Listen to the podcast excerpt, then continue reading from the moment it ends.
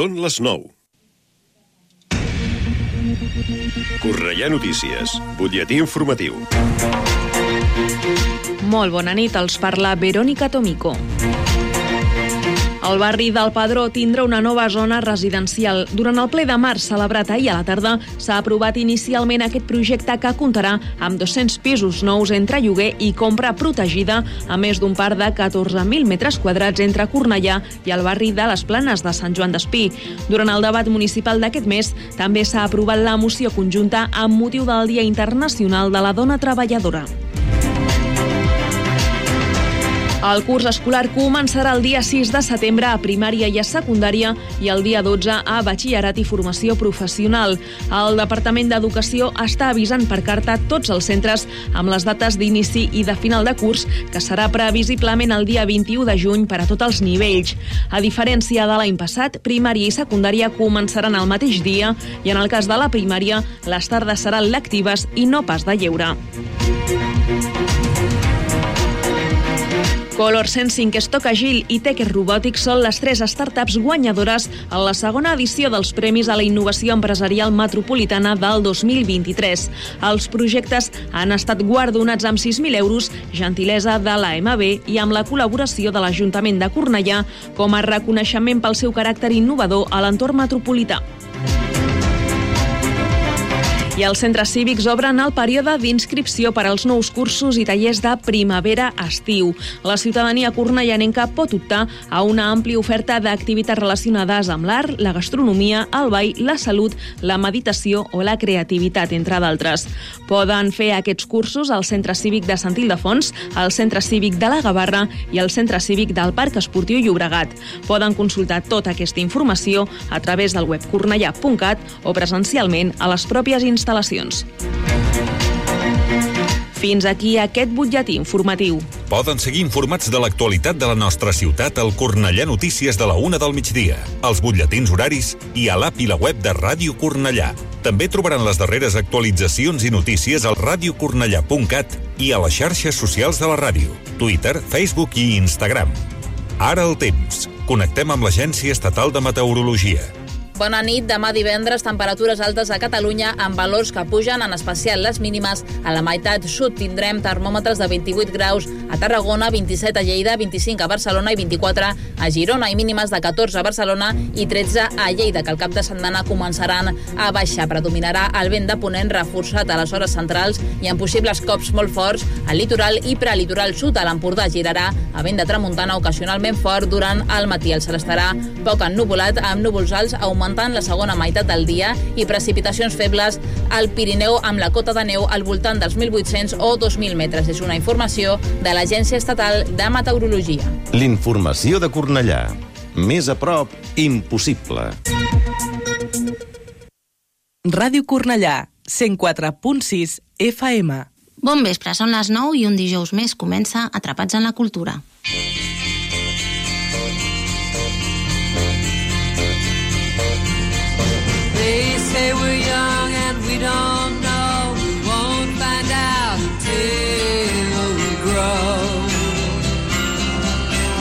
Per en Bill Murray, tots els dies era la mateixa cançoneta. Estava atrapat en el temps. Per nosaltres, tots els dies també són iguals.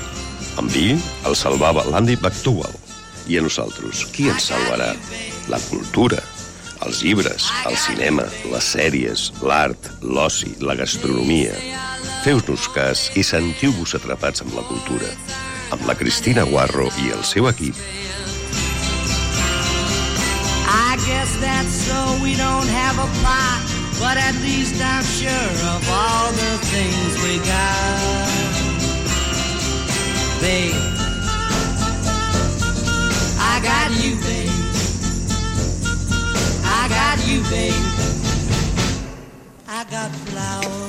Benvolguts oients, tornem a ser aquí una setmana més, avui 30 de març, últim programa del d'aquest mes. La setmana que ve, recordar-vos que és Setmana Santa i nosaltres ens regim una mica també per l'horari escolar, per tant, la setmana que ve no hi haurà atrapats en la cultura i ens trobem aquí una setmana més. Ara tornarem a l'ordre que fèiem sempre. Ja sabeu que sempre comencem amb l'agenda cultural doncs, per saber quines són les coses més interessants o que nosaltres més us recomanem. Ja sabeu que l'agenda cultural al final sempre té un, un viatge subjectiu, que és el meu, que sóc qui selecciono i trio. A mi, a partir de la informació que va arribar i que busco, doncs decideixo veure què és el que us pot semblar més interessant. Si algú ens vol fer arribar algun feedback o alguna cosa, aquí estarem encantats d'escoltar-vos. De, doncs vinga, va, som-hi.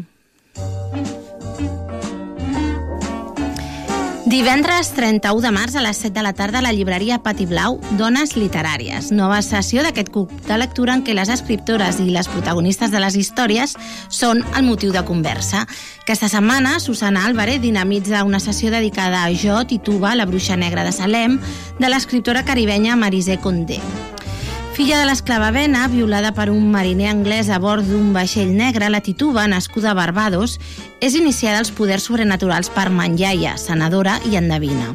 El seu casament amb en John Indian la porta a Boston i més endavant al, pop, al poble de Salem, al servei del pastor Parris. A l'atmosfera histèrica d'aquesta petita comunitat puritana és on tenen lloc els famosos judicis de les bruixes de Salem el 1692. La Tituba és arrestada i oblidada a la presó fins a l'amnistia general de dos anys més tard. Aquí s'acaba la història. Marisé Condé la rehabilita, la treu d'aquest oblita que havia estat condemnada i per acabar la torna al seu país natal, la Barbados del temps dels cimarrons i les primeres revoltes d'esclaus. Condé ens portarà fins a l'ambient purità i supersticiós de Salem i a Barbados en l'època de les primeres revoltes d'esclaus. Divendres 31 de març a les 8 del vespre a l'Auditori Sant Ildefons, concert de As de Guia. El duet, format a Cornellà de Llobregat per en Cristian Melià i l'Adrià Carro, presentaran el nou repertori que estan preparant pels seus concerts. Un repertori ple de cançons que busquen cuidar tant la part musical com la lírica, tenint en compte cada detall. Els seus temes busquen transportar-nos a personatges, a sensacions i a sentiments dins d'un imaginari propi influït per la cultura pop millennial. Si voleu escoltar-los i compartir sensacions amb ells, ja sabeu que, com totes les propostes de Factoria Sí, l'entrada és lliure per tothom. Podeu demanar les vostres invitacions a auditorici arroba aj guionetcornellà.cat indicant el nom de l'activitat, concert, as de guia i la quantitat d'invitacions que desitgeu.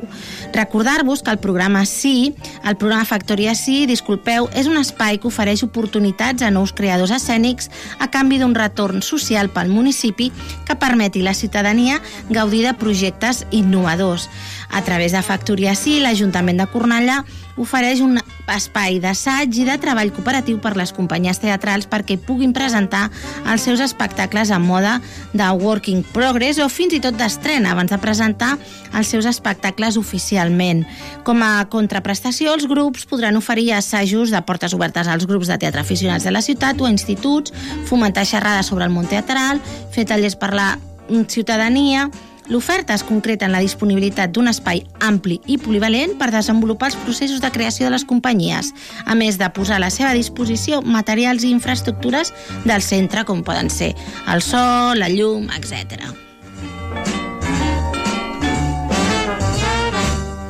Dissabte 1 d'abril a les 11 del matí a la Biblioteca de Sant Ildefons les formigues també ballen cançons i jocs de falda. Nova sessió dels dissabtes en família, una sessió a càrrec de l'actriu Ada Cosidor dirigit a famílies amb nadons de 6 a 36 mesos. La formiga pruna és mandrosa per naturalesa, s'adorm per tot arreu, però avui se li gira feina perquè haurà d'ajudar a cantar cançons amb el cargol Banyes Llargues, sessió de jocs i moixaines durant la qual compartireu una estona ben especial amb les vostres criatures ben a prop, a la vostra falda, per viatjar tots junts amb la formiga pruna i el cargol banyes llargues. Diumenge eh, diumenge 2 d'abril i també dissabte 1 d'abril, eh, això vol dir que és doble sessió, a les 7 de la tarda a la sala Padró, El jovencito Frankenstein. Amb el subtítol de El musical que no vols veure, la companyia Tornillados Teatro, amb només quatre actors, adapta al teatre la pel·lícula de Mel Brooks i Jane Wilder, que adaptava molt lliurement un clàssic de la literatura gòtica com és Frankenstein de Mary Shelley. El jove doctor Fra Frederick Frankenstein, un neurocirurgià nord-americà, intenta escapar de l'estigma del seu avi Víctor, que va crear anys enrere una criatura horrible. Després d'heretar el castell del seu avi a Transilvània, intenta renunciar a la seva herència, però quan arriba al castell descobre descobreix un estrany manual científic en què s'explica pas a pas com tornar-li la vida a un cadàver. Frankenstein accepta finalment la seva herència i el seu destí i decideix continuar amb la feina del seu avi i crear el seu propi monstre amb l'ajuda dels servents de la casa, l'enigmàtica mestressa de claus Frau Bluscher i el japerut Igor. Desafortunadament, Igor pateix un accident en robar un cervell al dipòsit de cadàvers, per la qual cosa, en comptes de fer servir el d'un famós científic, al monstre li és col·locat un de defectuós. Aquest error es revela quan el monstre torna a la vida generant un gran enrenou. Finalment, l'experiment del doctor Frankenstein serà tot un èxit, un èxit de monstruoses conseqüències.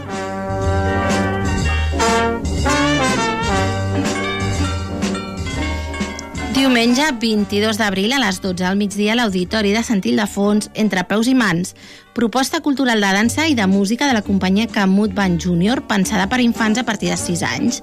Entre peus i mans fusiona les tècniques del claquer més modern amb la percussió africana, per la qual cosa ofereix un espectacle molt viu que farà que grans i petits no puguin quedar-se quiets a les seves cadires. És una cita musical i de dansa molt recomanada per començar les vacances de Setmana Santa d'una manera divertida i molt enèrgica. Els infants no s'avorriran i els més grans també gaudiran d'aquesta estona de ritme constant. La companyia Camut Pan Junior és una plataforma per joves creadors d'arts escèniques, ballarins, percussionistes, coreògrafs i tècnics perquè desenvolupin la seva carrera professional formant part d'aquesta companyia.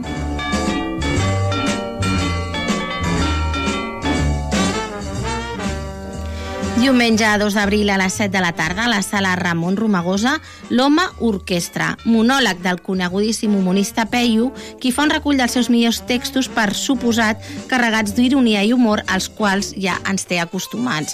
Us convido a buscar una imatge del cartell d'aquest espectacle, el disseny horrorós del qual ja dona moltes pistes del que vol ser. En Peyu ha volgut fer una mena de paròdia homenatge d'aquesta figura que tothom hem vist actuar alguna vegada, l'Home Orquestra, a una festa major del poble d'un poble qualsevol.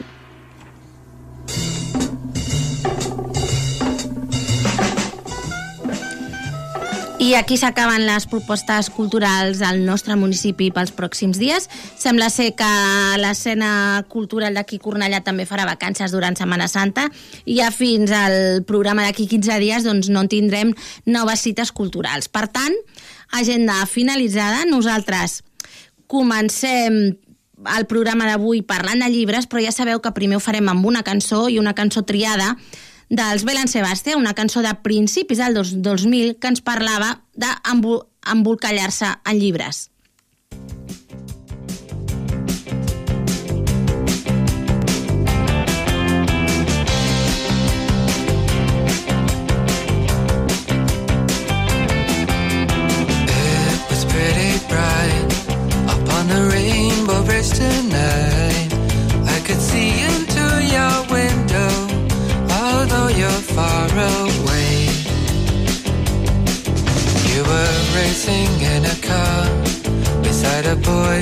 Just don't know if he is a fool.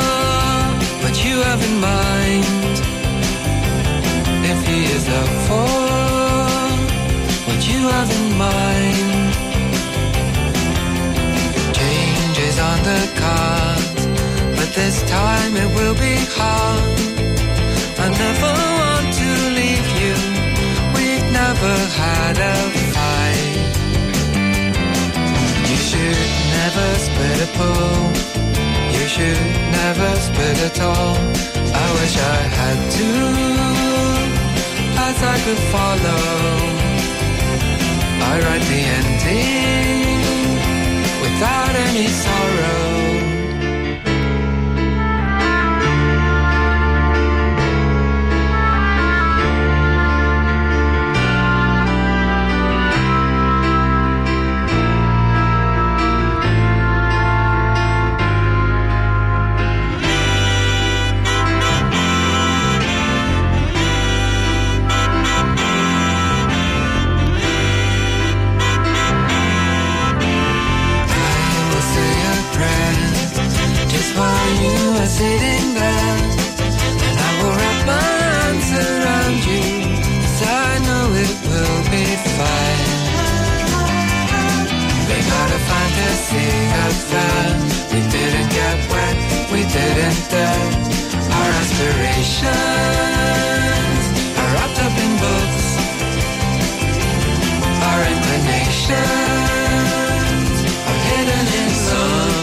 Hastening on. I'm trying to get a feeling from the city, but I've been unfaithful. I've been traveling abroad. We got a fantasy affair. We didn't get wet, we didn't dare. But the fantasy remains. You better come back to Earth again. Our aspirations wrapped up in books. Our inclinations hidden in looks.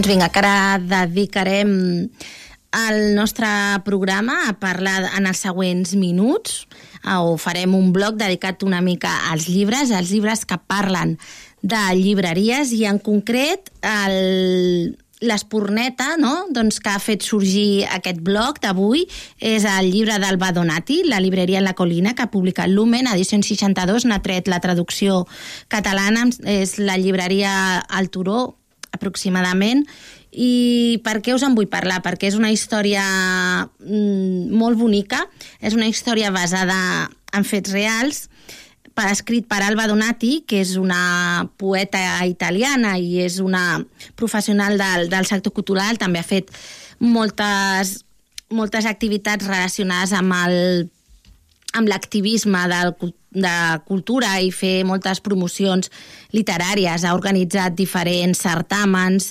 eh, tots ells doncs, relacionats al voltant de, del fet cultural. A banda, actualment eh, és directora del Gabinet Visió de, Florència i, i ens ha presentat a, aquest llibre que explica els últims anys de la, de la seva vida i ara us en diré per què. Eh, Alba Donati va decidir el 2019, després de 25 anys, treballant, treballant a, a una ciutat amb molt de rima, doncs va decidir que volia tornar al seu poble. El seu poble es diu Lucignana, és un poble de la Toscana, és un poble situat del, del d'un turó que es troba aproximadament a dues hores al nord-est de, de Florència i va decidir tornar als seus orígens i muntar una llibreria a la qual doncs, va anomenar Sopra la Penna. Aneu calculant les dates perquè dic que la, la va muntar el 2019, això ho va decidir, i ho va fer a un poble que té només 180 habitants. Evidentment, doncs, ella que treballa al sector editorial i, doncs, i quan comentava la seva, la seva idea, la seva pensada, doncs clar, molta gent li va dir que si s'havia tornat boja, vull dir, que, que, que n'estava fent, però ella, doncs, molt convençuda, va obrir aquesta llibreria que no només pretén ser una botiga de llibres, sinó que busca ser doncs, una coseta més, una coseta més.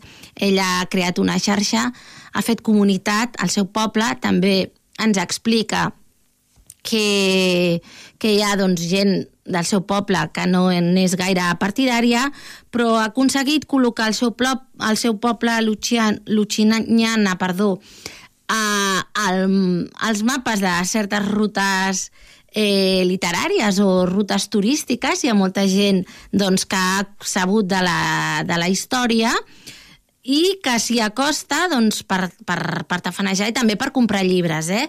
perquè nosaltres aquest, la llibreria en la, en la colina ens trobem, és un llibre eh, amb una redacció cronològica, està escrit com si fossin entrades de d'un diari, d'un dietari, o sigui que en certa manera podríem dir que aquest llibre pertany a la memorialística. Eh, també és, és una cosa que és una mica com de xafarderia cultural que m'ha fet molta gràcia i és que cadascuna de les entrades doncs acaba amb un apunt que són les, les comandes del dia. I entre aquestes comandes del dia, de, de que són els llibres que ha venut o que ha servit perquè el va donar doncs, la, a, a través de la seva llibreria eh, també ven molt eh, per, per internet, doncs aleshores de les seves, de les seves comandes hi ha dues, du, dos dels llibres que més hi apareixen, és curiós, però un d'ells és el Aprendre a estimar les, eh, les plantes de la, de la Marta Oriols i l'altre és Ode, Ordesa del Manuel Vilas, no? que, està, que és una cosa curiosa. Aleshores, com us deia, eh, Alba Donati doncs, va explicant, ella va fent aquestes reflexions. Recordeu quan decideix muntar la llibreria, ella ho va fer el 2019. En un primer moment doncs, va decidir com que havia treballat al sector editorial, doncs va trucar a diverses editorials i els va demanar que, que li fessin doncs, eh, diverses donacions. Va, va aconseguir que, que les editorials mm, n'enviessin. També va obrir un crowdfunding i amb això doncs, va aconseguir restaurar. Ella tenia una, una caseta al poble, no és en la, no és en la que en, on viu, Uh, tot i que ella actualment sí que hi resideix, eh? però no és, no és la mateixa casa.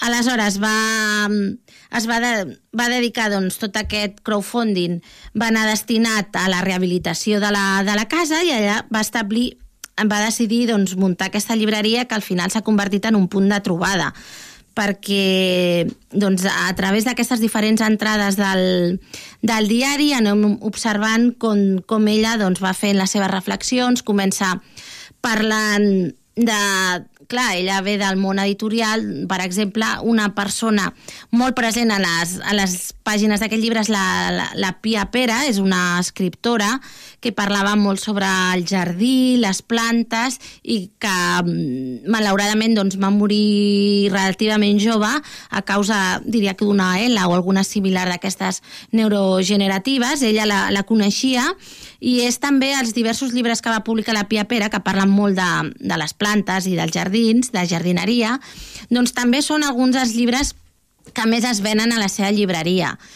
Aleshores, ella doncs, em fa un retrat dels diferents personatges els quals ha, ha conegut al llarg de la seva trajectòria li, li, literària i no literària, perquè ella de fet explica que una de les seves primeres feines va ser en una botiga de moda a Florència i que allà, per exemple, eh, va conèixer la, la Vivian Westwood i tot i que ella doncs, no s'hi atrevia a parlar, eh, doncs bé, és, és una dissenyadora doncs, la trajectòria de la qual ella l'ha seguit i que en el fons doncs, l'estimava molt. I, i amb aquest relat així molt senzillet perquè és una prosa doncs, molt, molt lleugereta, vull dir, tampoc hi ha gaire profunditat, però sí que va amarada de, de reflexions eh, literàries doncs, escriptors als quals ell ha tractat, d'altres als quals simplement doncs, els, els ha, els ha llegit o que, que els admira. Per exemple, s'hi menciona molt Eugenio Montale, és un dels novells italians,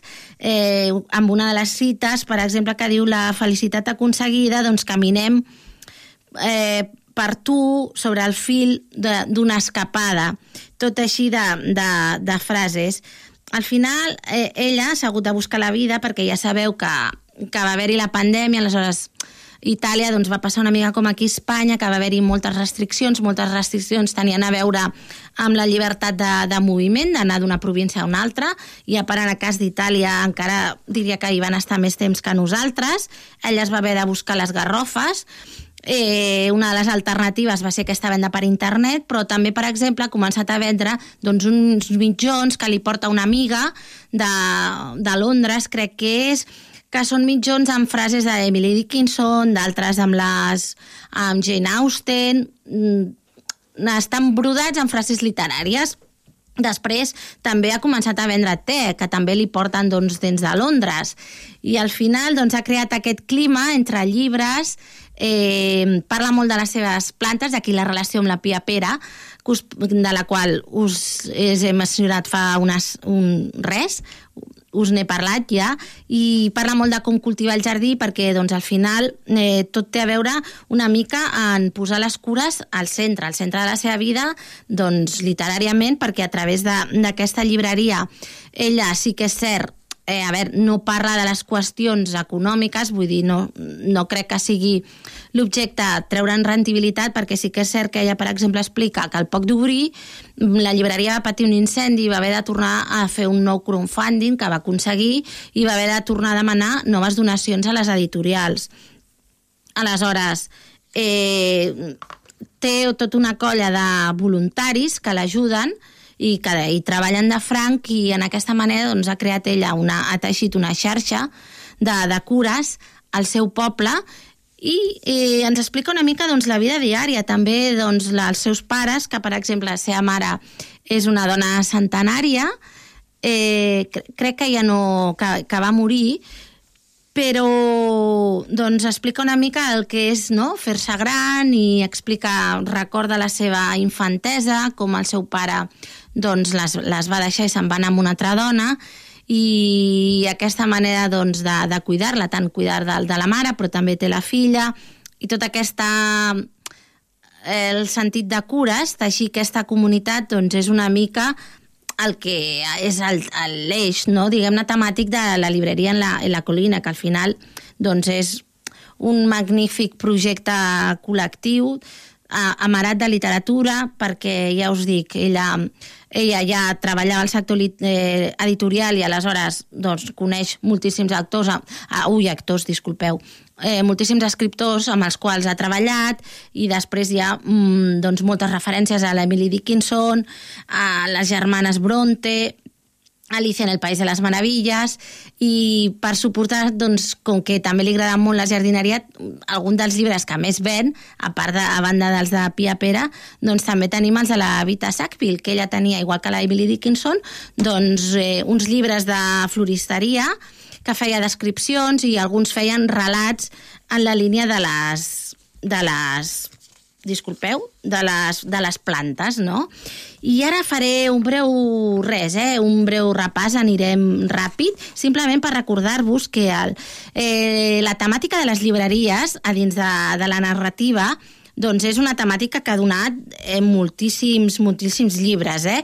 Jo us en mencionaré alguns, que, que trobo que, que també que a mi personalment em semblen interessants, que són molt diferents entre ells, per exemple, teniu ara la, la llibrera de París que ha publicat Navona, que explica la, la vida d'un personatge mític de la Sílvia Beach, ja sabeu, que és la fundadora de la llibreria de París, la Shakespeare and Company que va ser doncs, un lloc de, de trobada pels escriptors de l'anomenada generació perduda, que la van considerar doncs, la seva casa la seva, i el seu refugi. Doncs aquest llibre explica la seva, la seva història, no?, i recordeu que és que la, una, la, la importància de la Sílvia Beach també és perquè ella va ser la que, la que es va animar a publicar l'Ulisses de Joyce quan tothom el rebutjava. Una altra així que també relacionada una mica amb la història de la Sílvia Beach és el Ru de l'Odeon, que publica Galonero, és la història de l'Adrienne Monnier, que va ser una escriptora, també llibrera, editora i bibliolòfila, perquè al final totes aquestes quatre activitats sembla que, que vagin unides per l'amor als llibres. Eh, la seva activitat literària i professional doncs, és amb el període històric igual que la Sílvia Beach, de, de fet van ser amigues i amants, i doncs, en el cas de la Monnier va ser una animadora de la vida cultural de la mítica Rive Gauche i una fervorosa defen defensora de la, de la causa feminista. En aquesta obra, doncs, Monnier obre al lector les portes de la seva mítica La, la Maison des Amis dels Llibres. És una llibreria que va marcar la vida intel·lectual del París de la primera meitat del, del segle XX. Un llibre que trobo super, super original, és el Rialto, que va escriure Belén Rubiano i va publicar Asteroide, i Belén Rubiano és una llibrera, i en aquest llibre que, que, va, que va publicar, Asteroide, doncs ens, ens explica una mica la història de, de la llibreria de la plaça de Rialto de Sevilla, que, que va tancar les portes definitivament doncs, a la tardor del 2002, no? que la seva la seva fundadora, la, la Belén Rubiano, doncs, n'explica la, la història. És, és una història una mica melancòlica, amb molt de, de Dickens, no? amb aquest tipus de, de narració i sobretot ja l'amor als llibres. Després teniu l'assaig aquest llibreries de Jorge Carriot, d'Anagrama, que de fet és un llibre que va ser finalista al, als Anagrama d'Assaig, que és doncs, tot un seguit de, dif de diferents llibreries d'arreu del món i a, a, a partir de la, de la pregunta quin és el significat de les llibreries dins l'imaginari col·lectiu, doncs Jorge Carrión doncs, parla d'aquestes di diferents eh, llibreries. I per últim, m'agradaria doncs, comentar-vos la història d'una librera en Berlín que va publicar Seix Barral. És la història, de fet, aquest és l'únic llibre que va escriure François Frenkel, que és una jove apassionada per la llengua i la cultura franceses, doncs que va fundar la primera llibreria francesa de Berlín, Le Maison du Libre, que això va ser l'any 1921. I aquesta llibreria doncs, és, és un llibre testimoniatge doncs, en primera persona del que la l'autora, la mateixa aus- autora, explica en el seu itinerari. Ella, el 1939, va fugir d'Alemanya doncs, perquè ja és mm, bastant difícil, per no dir-ne impossible, difondre els llibres i diaris francesos i aleshores se'n va a l'exili a França, allà troba refugi, però, clar, què passa? Que al cap d'uns anys eh, els nazis ocupen el territori francès per tant, ella ha de tornar a fugir i aconsegueix arribar a Suïssa de manera clandestina, no? I aleshores, doncs, aquest, la, una llibreria a Berlín doncs, ens explica eh, doncs, del, des del punt de vista d'aqu- d'aquesta dona que va ser molt valenta doncs, i que aconsegueix realment sal, salvar la vida en un context molt, molt complicat. I nosaltres ara ja ens anirem a l'espai de l'entrevista, una entrevista que tenim a la Teresa Cortina. La Teresa Cortina és la directora de Triangle Teatre. Ella és directora d'aquesta companyia de teatre amateur d'aquí a Cornellà. En un parell de setmanes fan una nova representació al, a l'Auditori de Cornellà i aleshores eh, endavant, Marc, la sintonia de l'entrevista i passem al següent bloc. and I'm feeling good.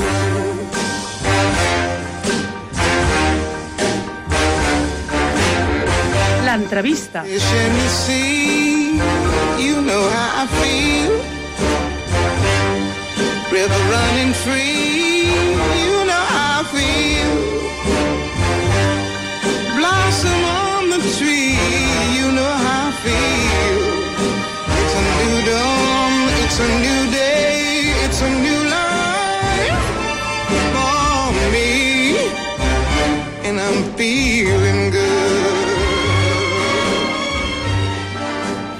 Doncs Teresa Cortina, bon vespre. Bona nit. Gràcies per acompanyar-nos. A vosaltres per convidar-me.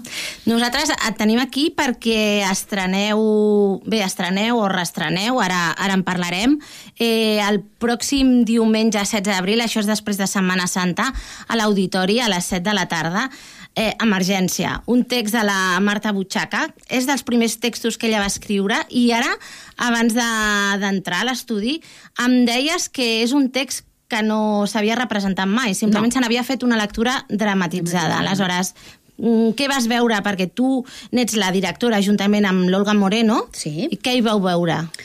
Uh, nosaltres solem fer comèdia. Fa molts anys que fem comèdia i ens, i ens, ens agrada molt fer comèdia. Aleshores, eh, també a vegades has d'estar una mica pendent del que tens de gent per fer i escollir una obra i la veritat és que aquesta ens quadrava molt perquè és una comèdia, perquè teníem a la gent mm, preparada per fer això i és molt divertida. Llavors té, té molts gags eh, pots fer... no s'havia representat mai així hem sigut molt lliures a l'hora de fer direcció i hem, hem fet alguna, algun canvi algun petit canvi.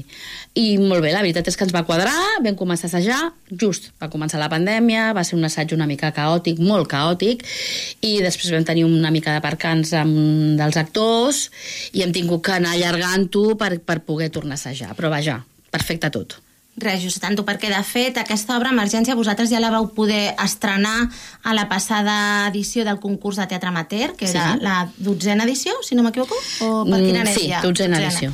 I a partir d'aquí, doncs, aquesta aturadeta i buscant un substitut. Exacte, vam tenir que buscar un substitut, és difícil en el món amateur, és complicadet, hem de tornar a començar perquè aquesta persona que ve no coneix l'obra, ha d'assajar, les persones que ja estan ja se la saben, han d'ajudar, vull dir que és una mica complicat i ara doncs, hem tingut l'oportunitat de fer-la a l'auditori amb el projecte Emergents i, i molt bé, i la setmana passada vam tenir un bolo a la Colònia Güell i al juny anem a Mollet i de moment esperant algun concurs més. Perquè nosaltres encara no, no ho hem dit, però la Teresa Cortina és la directora de la companyia Tri Triangle Teatre, que Sí. esteu, teniu la seu, no sé si dir seu social o esteu ubicats al Patronat Som Cultural. una secció del patronat. Ah, esteu ja constituïts com a secció, Sí, eh? Jo sabia sí. que éreu, no sabia... Fa molts dir-ne- anys. Sí, sí, sí, dir-ne companyia resident, això, no? Que, que hi ha... Bé, crec que pràcticament ja no queda gaire teatre que tingui companyia pròpia, no? Malauradament. Molt pocs, molt pocs, la veritat. Tenim la gran sort de tenir el patronat, que és amb la sala Ramon Romagosa, que és una sala meravellosa per poder assajar, per poder deixar la, tenim un lloc per deixar les escenografies, vull dir que eh, som uns privilegiats amb aquest aspecte, la veritat. Deies això de la problemàtica del teatre amateur per buscar substituts. Eh, vosaltres teniu uns, un equip estable? Normalment sí. Sí? Normalment tenim Quants, una... quants actors o... Som uns 6, depenent 7, mm, fluctuem a 5, depenent de... Clar, el teatre amateur és que no pots eh, sempre tenir les mateixes persones perquè a la vida passen coses. I llavors han de treballar, tens la teva família, no, no, no et dediques a això. A vegades pots, pots comptar amb uns i a vegades amb uns altres, però sí, normalment som un equip bastant estable. Formem un equip ja fa uns quants anys, que més o menys entra i surt, però vaja, Clar, potser en algun projecte algú no hi pot. Exacte, llavors, I- llavors doncs, intentes buscar o intentes buscar un projecte pels que som, que també això és complicadet. Bé, buscar el text ad hoc. Eh, Exacte, he llegit, ad hoc. buscant informació per preparar l'entrevista, he llegit de, de la Marta Butxaca que deia que aquesta obra ella la va escriure en un moment una mica complicat perquè s'havia trencat la cama i que necessitava riure i desconnectar. Mm. Sí, la veritat és que és una obra eh, que tracta de, de, de quatre amigues de tota la vida. Sí, que... de, deixa'm dir-ne Ah, el nom. Són la Issa, la Llum, la Bàrbara i la Bruna. Exacte. No, la Bruna no. No? La Bruna no? És la Llum, la Bàrbara, la Issa i l'hem canviat, és la Nelsi, perquè aquest personatge Ah. l'hem canviat. Molt bé, o sigui que heu fet una Heu fet un canvi, exacte. de sui generis. Ara Exacte. m'explicaràs en què consisteix. Llavors són quatre amigues de tota la vida, que es coneixen de sempre, però tenen un problema i elles que quan tenen una emergència sentimental se l'expliquen.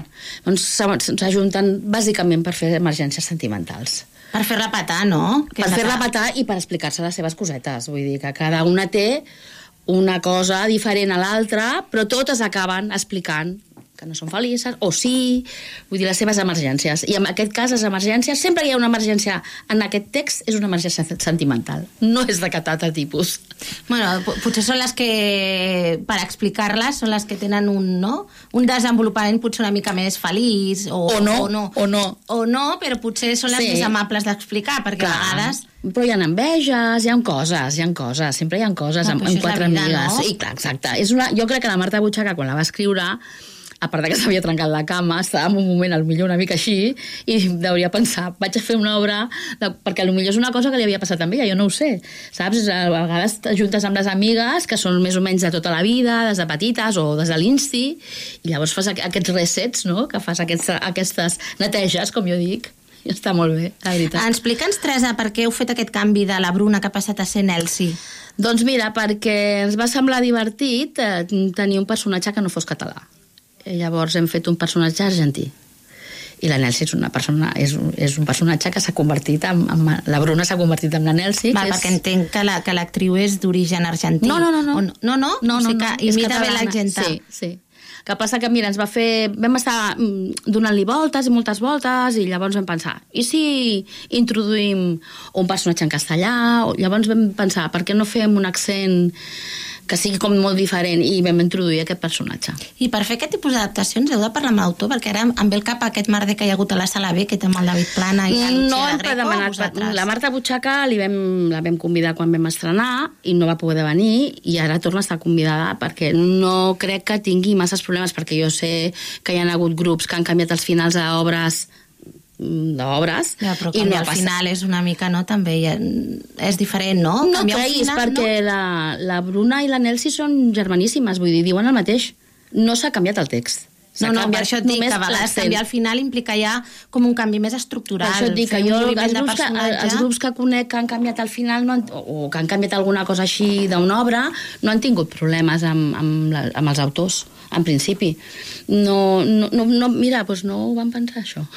No, no, ara a mi ara m'ha vingut al cap, eh, ho has dit, i dic, ostres, espero que no tingui... No, no, bueno. Bueno, això us, daria, us donaria publicitat, no? potser sí, no ho sé, potser sí. Potser us ajudaria. Sí. Eh, Teresa, eh, com, com són aquestes quatre amigues? En, entenc que potser, perquè jo no, no he llegit el text i no he vist no he vist cap de les vostres representacions anteriors, eh, entenc que deuen ser... Són molt diferents. Són molt diferents. Complementàries. Cada una, cadascuna té un, un tarannà i entre elles, evidentment, són amigues de tota la vida. Pues hi ha la que és molt independent, hi ha la que és una tia molt lligona, hi ha la Nelsi, que és... No ho puc dir, no ho puc dir. Va, no, no, tu explica el que puguis. I hi ha la Bàrbara, ah, no, i hi ha la Isa, i hi ha la Llum, que és una persona pues, que és molt, molt entusiasta de la vida, que té molta imaginació, que, bueno, que té el seu. la por. Vull dir que cada una està... Jo crec que tots els personatges estan molt identificats. Vull dir que quan tu les veus a l'escenari veus clarament qui és qui, perquè tenen el seu tret. Llavors no és difícil diferenciar-les. Es veu molt, I aleshores que, suposo que que cada espectador potser es pot identificar més amb un personatge que Evidentment. l'altre. Són molt identificables a la vida normal, eh? Són molt identificables. Molt, molt, molt. És, jo crec que la Marta Butxaca una cosa que té és que escriu molt de, molt, molta realitat. Vull dir, escriu les personatges molt propers, molt coses que passen avui en dia. Pues, eh, clar, tens 40 anys i potser tens o no tens parella, et preguntes què passa, i quan igual la tens i jo què sé, saps? Llavors jo crec que els textos de la Marta Butxaca solen ser molt així, molt, molt, com el personatge, els personatges molt d'ara, molt reals. Sí, jo és una cosa que també que, que hi coincideixo, eh? trobo que són com molt versemblants. Exacte, exacte. Té Que a una- vegades et trobo, es- mm, veus representacions que dius, ui, aquest personatge no m'acaba de... Eh, també el diàleg és molt proper. Per tant, quan veus la representació, veus el diàleg i veus el que passa i ja veus que el tret de cadascuna és molt proper. Vull dir, no és un, una obra que està escrita amb, amb un llenguatge que dius, "Ui, és que em costa entendre. No, no, no, per res del món. És, és molt... És, bueno, el, el que dius tu, són, són personatges molt propers que pot ser, pots tenir una amiga, segurament jo en tinc una altra. O ser-ne jo, no? O, Una d'elles. O ser-ne tu, o ser-ne... Sí, sí, sí, totalment, totalment, totalment. I qui, quin és, a veure, no sé si, si ho pots explicar, eh? però quin és el paper del personatge masculí? El Manu és un personatge que entra en un moment de l'obra que els hi fa canviar la vida. Jo crec que totes. Algunes més que altres, però totes. O sigui, hi ha un gir quan entra el Manu. Llavors, hasta aquí puedo leer, no puc dir res per més. això t'ho dic, jo vaig fent les preguntes però una mica així controlant a veure què, què és el, El que futur d'elles ens en pots explicar. Influeix amb l'aparició del Manu. Ja està. Ja està. Ja està, no puc dir res més. Molt bé.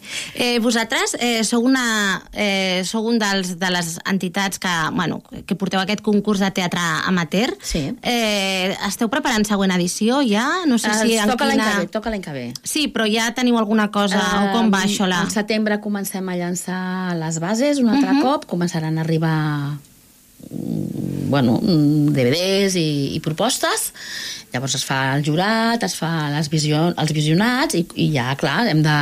A partir de setembre sempre comencem. de, normalment enviem les a No, setembre. t'ho demanava perquè no sabia ben bé en quanta antelació es preparava... El concurs és una cosa que portem 12 edicions, que és cada dos anys, vull dir, portem Sí. molts anys fent-lo, molts anys, ja Sí. està.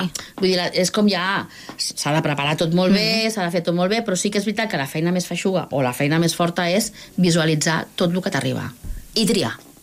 Quan dius visualitzar, inclou proves de vídeo o has d'anar a les representacions? Proves de vídeo. Són por, proves de hi ha vídeo? unes bases de concurs que et diu eh, pots presentar obres sí, amb una sèrie de requisits i t'arriben. I t'arriben 100, 80, 50, 60, depèn. L'últim any van tenir menys, perquè ja vam tenir una mica amb el tema pandèmia, però, déu nhi tot, van arribar més de 50 propostes. Oh, doncs de tot això has de triar-ho, has de visualitzar és molta feina. Uh -huh. Però com que és a partir de setembre el concurs comença al febrer, doncs et dona temps de visualitzar, perquè hi ha un equip que visualitza, hi ha un equip de jurat, normalment el jurat no sap quines obres venen perquè estaries com una mica predisposat, llavors es- hi ha dos equips, està tot molt organitzadet. Molt bé. Teresa, eh, dilluns passat, el 27 de, de març, era el Dia, Inter el dia Mundial del, del Teatre, i aquí al nostre municipi es va fer com una jornada, i aquest any l'organitzadora, que és la Montse Orozco, mm. que a qui coneixes, que sí. també, a banda d'estar ficada en molts saraus culturals i teatreros, eh, ella fa un, tea eh, fa un programa de teatre, que és l'Amunt al Taló, mm -hmm. I una de les coses en què va posar molt èmfasi era eh, recordar el paper de les arts escèniques al nostre municipi. I tu, com a part integrant, mm, A veure, jo crec què que... hi tens a dir? O... Jo crec que Cornellà és un municipi que té molts grups de... Sempre ha sigut un municipi que ha tingut mm, molta arrelada al teatre. Vull dir, com a entitats mm, més visibles potser és el Patronat i a l'Orfeó, com a... no visibles, com antigues. Però jo crec que potser visibles perquè són les que tenen Escenari. un, un espai un físic. Després amb l'Avinguda de l'Auditori mm, hem, tingut, hem pogut gaudir d'espectacles, però és veritat que hi ha molts grups que fan moltes coses que no estan a cap entitat. Uh -huh. Vull dir que, a part de les entitats que puguin haver-hi a Cornellà, sí que hi ha molta tendència i molta, molta tradició teatral. Vull dir, hi ha molts, molts grups que funcionen i que van molt bé i que no, no estan a cap de les dues entitats. Vull dir que mm, és una tradició, jo crec que molt ferma, de fa molts anys. El patronat té 110 anys d'antiguitat Mhm. i el grup de teatre si no recordo malament, és de les primeretes coses que va haver-hi al, al patronat, vull dir que té un, una antiguitat important i a l'Orfeó imagino que por ahí van també, per, per, pel mateix tema. I vosaltres, eh, com és la comunicació entre aquestes diferents companyies? Esteu connectats d'alguna manera? Hi ha col·laboració? Mm, realment no. Vull dir que si hi ha alguna persona o algun grup que vulgui fer, venir a fer una obra al patronat, ho proposa i no hi ha cap problema, com m'imagino que a l'Orfeó igual. Però entre nosaltres sí que no tenim una comunicació que fas o que deixes de fer. Cada grup funciona a la seva manera, m'imagino, i amb les seves històries, perquè és complicat. Bueno, ja, ja ho deies, no?, que el teatre amateur, doncs, cadascú porta la seva vida a casa i a banda d'acabar d'encaixar És complicat totes aquestes horaris. vides, pues, Exacte, és molt complicat i quantes més persones hi ha, més complicat és. Vull dir que imagino que això que et dic, que cada grup pues, funciona a la seva manera, s'hagen d'alguna manera, ja tu muntes. Sí que és veritat que si algú ha de venir al patro o ha d'anar a l'Orfe a buscar o, o, o vol representar una obra, evidentment no hi ha cap problema per això, vull dir que, que això no... Amb això es, es, es compta, imagino, saps? Vull dir que... Eh, has mencionat abans el paper de la- de l'auditori. Eh, jo el que, no, el que no he dit és que la vostra obra forma part d'aquest cicle emergents que es va Sí. posar en marxa, em sembla que va ser el 21, i que pretén una mica eh, mm, deixar un espai, certa visibilitat a companyies doncs, amateur, companyies preprofessionals o algunes que són que han començat fa molt poquet, doncs perquè tinguin una ubicació física i per poder fer les seves primeres funcions. La veritat és que està molt bé que l'auditori dongui una mà en aquest cas i amb aquest tema, perquè no solament teatre, fan dansa, fan música, vull dir que li, donen visibilitat a grups o ja existents, o grups que comencen, o companyies que tenen una no una programació, però sí que tenen un, un com, et dic, com es diu això, un, un espectacle, més o menys. Nosaltres normalment cada dos anys fem un espectacle. Doncs m'imagino que Emergents ajuda a que també altres persones que no són o no són de Cornellà o que tenen... Clar, els medis no són els mateixos amb els més casolans, més professionals. Llavors està molt bé que, que l'auditori obri les portes a, a aquests projectes, la veritat. Està molt bé, molt bé. Eh, tot, tot ajuda, no? I en Sí. parteta, i a més una mica les institucions Exacte. també... No, i està bé perquè ho fas a casa també, no ho fas, al, ho fas a casa, ve gent de molta... Tenen molt més... Els medis, clar, l'escenografia, l'escenari, els focus... No deixa de ser una sala professional que... que No, van clar, abans van que la, sala, que la sala Ramon Romagosa és prou bona, de fet. Sí. De fet, jo trobo que el tema del so està molt bé. No, sí, té, però té, clar... una bona acústica, però no és el mateix que en l'auditori. Exacte, ja. vull dir que ja et fa una mica de... Quan et diuen... Vindràs a fer", surt. Doncs fa, fa una mica de... Però és veritat que, eh, d'altra banda, és un punx per la companyia, perquè estàs dos anys treballant en una obra i si no pots fer un mínim de bolos, però ja no per, sinó per, per tu mateix, perquè has treballat, et- t'has après un text, has, parlo dels actors, en aquest cas, uh -huh. i, de, i de nosaltres que dirigim, que també s'ha de muntar una obra, vull dir, amb tot el que porta, és escenografia, els adretzos, els vestuaris, has de pensar en la música la feina d'actor és brutal perquè sense ells no podrien fer res els directors, està claríssim.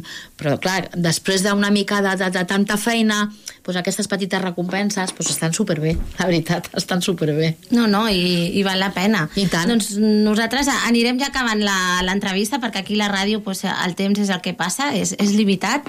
I tant. Eh, Teresa Cortina, moltíssimes gràcies per haver-nos acompanyat. Esperem i animem els nostres oients que vagin el 16 d'abril a les 7 de la tarda a l'Auditori de Cornellà a veure aquest text divertidíssim, Mhm. com és Emergència. Molt bé, moltes gràcies a vosaltres. A reveure. Estàs escoltant Atrapats amb la cultura.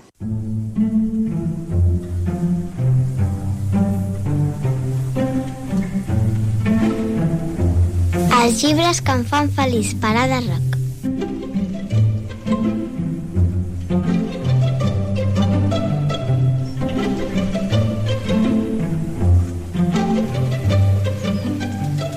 Doncs bé, ja per la part final del programa, suposo que ja heu reconegut la nostra sintonia. Ha arribat l'hora de, de la nostra col·laboradora més jove, Ada Roc. Bona nit. Bona nit. Què? Què ens portes avui? Avui us explicaré el títol, el llibre Clàudia a la ciutat. Vale, i l'autor és Alex T. Smith. I publica EDB. El llibre està recomanat per a nens i nenes a partir de 7 anys d'edat. Té 94 pàgines i molts dibuixos. Ah, ja, o sigui que entenc que això dels molts dibuixos t'ha agradat. Sí. Sí? Els personatges són en Claudi, el senyor Mitjonet Borrissol, la senyora i el senyor Sabates Brillants. I aquesta història, què? Per on, on passa? On succeeix? La història passa en una gran ciutat. I què passa durant aquesta història a una gran ciutat? En Clàudia es va aixecar un matí i va anar a donar una volta amb la, a la ciutat junt amb el senyor Mitjonet Borrisol. L'endemà el senyor Mitjonet Borrisol es va trobar malament i van anar al metge. Allà el van confondre en Claudi en un metge i a partir d'aquí us recomano molt la història. O sigui, que acabes així, vols dir que no pots fer, no pots explicar-ne res més perquè si no faries un spoiler. Sí. I aleshores el llibre ja deixaria de tenir... Gràcia. Vaja, vaja, vaja. I, o sigui, què, i què, del desenllaç ens pots dir El alguna cosa? desenllaç és molt sorprenent. Ah, o sigui que és zero previsible, això ens agrada. Li dona una puntuació de 10 sobre 10. M'ha agradat molt perquè és molt emocionant i divertit. El llibre em recorda un animal, que és el gos, el nostre personatge. El protagonista és un gos? Sí. Ah, això no ho havies dit fins ara. És en Clot, el gos? Es diu Sí. Clot. Molt bé, i qui, quina raça és? La, la saps? No. No? De El llibre em recorda el color vermell, ja que tots els dibuixos tenen el- el color vermell. El llibre m'ha fet sentir que el món està ple d'aventures. Això que dius del color vermell, eh, explica una miqueta més. Els dibuixos són de vermell, però per algun motiu o... Perquè al principi el color vermell és... No? Pues- Significa quan algú està enfadat, no? Enrabiat o què? Sí, algunes parts en Clàudia s'ha enfadat perquè... Hombre, Sé veure. que és un gos que s'emprenya sovint. Sí, Ah, això és la part divertida, no? Quan s'emprenya. Sí. Eh? I què més? Què més tenim d'aquest enclot a la ciutat? res més. I per acabar us desitjo molta sort i que gaudiu de molt del conte. Feliç lectura. Doncs mira que bé, doncs nosaltres ja anem amb el Polo Conte, que se'ns acaben els minuts de l'últim programa del mes de març. Recordar-vos que la setmana que ve no hi ha programa, per tant tornarem a l'abril i ara ja hauré de mirar el calendari perquè jo ja no sé comptar d'aquí a 15 dies quin programa... Mira, molt bé, gràcies Marc. El 13 farem el següent programa això significa... Eh, bé, el 13 d'abril, o sigui que Sant Jordi ja s'acosta. Ada, tornaràs el dia 13, no?, a fer-nos recomanacions. Sí. Doncs vinga, una abraçada, que gaudiu de la Setmana Santa i fins d'aquí 15 dies. It's wonderful, it's wonderful, it's wonderful. Good luck, my baby, it's wonderful, it's wonderful, it's wonderful. I dream of you. Chips, chips, da ti do di do, chi boom, chi boom boom. Da ti do di do, chi boom, chi boom boom. Da ti do di do. Via, via, vieni via con me. Entra in questo amore buio, non perderti per niente al mondo. Via, via, non perderti per niente al mondo. Lo spettacolo d'arte varia di uno innamorato di te. Yeah. It's wonderful, it's wonderful, it's wonderful. Good luck, my baby, it's wonderful, it's wonderful, it's wonderful. I dream of you, chips, chips, chips. Da di do di do, chi boom, chi boom boom. Da di do di do, chi boom, chi boom boom. Da di do di do.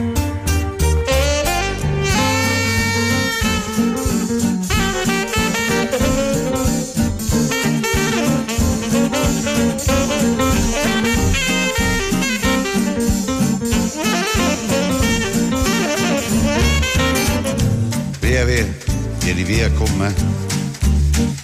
Entra in questo amore buio, pieno di uomini. Via, via, entra e fatti un bagno caldo.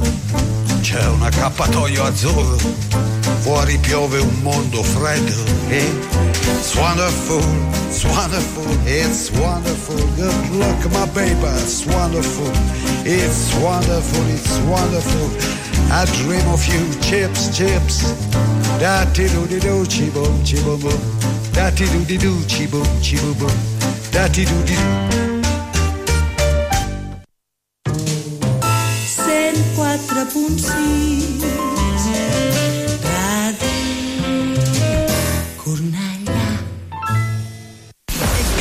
Gaudeix de Ràdio Cornellà quan vulguis al teu mòbil, tauleta o ordinador. Entra a radiocornellà.cat i se t'obrirà un enllaç per instal·lar al teu dispositiu l'aplicació de Ràdio Cornellà. D'aquesta manera la tindràs sempre actualitzada. Podràs escoltar la ràdio en directe, descarregar i compartir els teus programes favorits, accedir a les notícies de la ciutat i molt més. I ara amb la millor qualitat de so. Ràdio Cornellà, sempre al teu costat. Ràdio Cornellà. La combinació perfecta entre música i informació. Ràdio Cornellà, 104.6 FM. Romà Oliver, Identitat. Visc en una espiral, no paro de donar-li voltes. Com si fos un estrany que es tira pedres al seu propi teulat. Avui m'he tret un pes, me n'he donat que ja no et vull, ja no et vull més. Les teves paraules han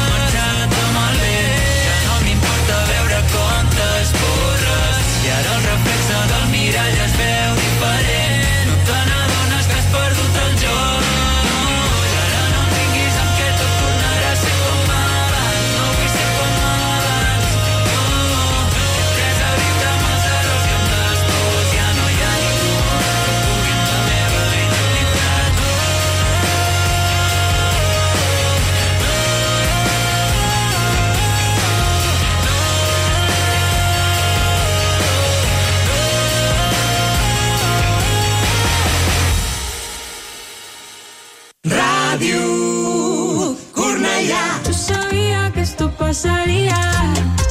Tú en lo tuyo y haciendo lo mismo. Siempre buscando protagonismo. Estoy buscando la solución. Si quieres me acerco y hablamos mejor. 104.6 Afrojack i James Arthur. Lose You. Yeah, I got regrets, but they never measure up to the heavy hole you leave. Oh, if you left, I know I'd spend my life just chasing memories, tracing back our steps, trying to find our way when it never ends, turning to enemies, lying in our beds. My head is miles ahead, I'm skipping to the end. Oh, I think I would lose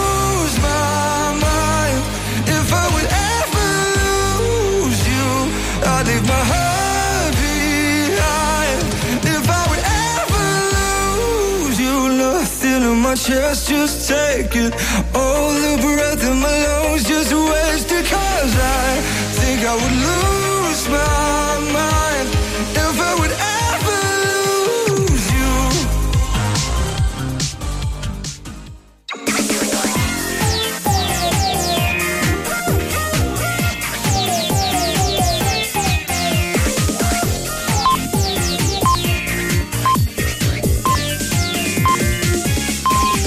Són les 10. Correia Notícies, butlletí informatiu. Molt bona nit, els parla Verònica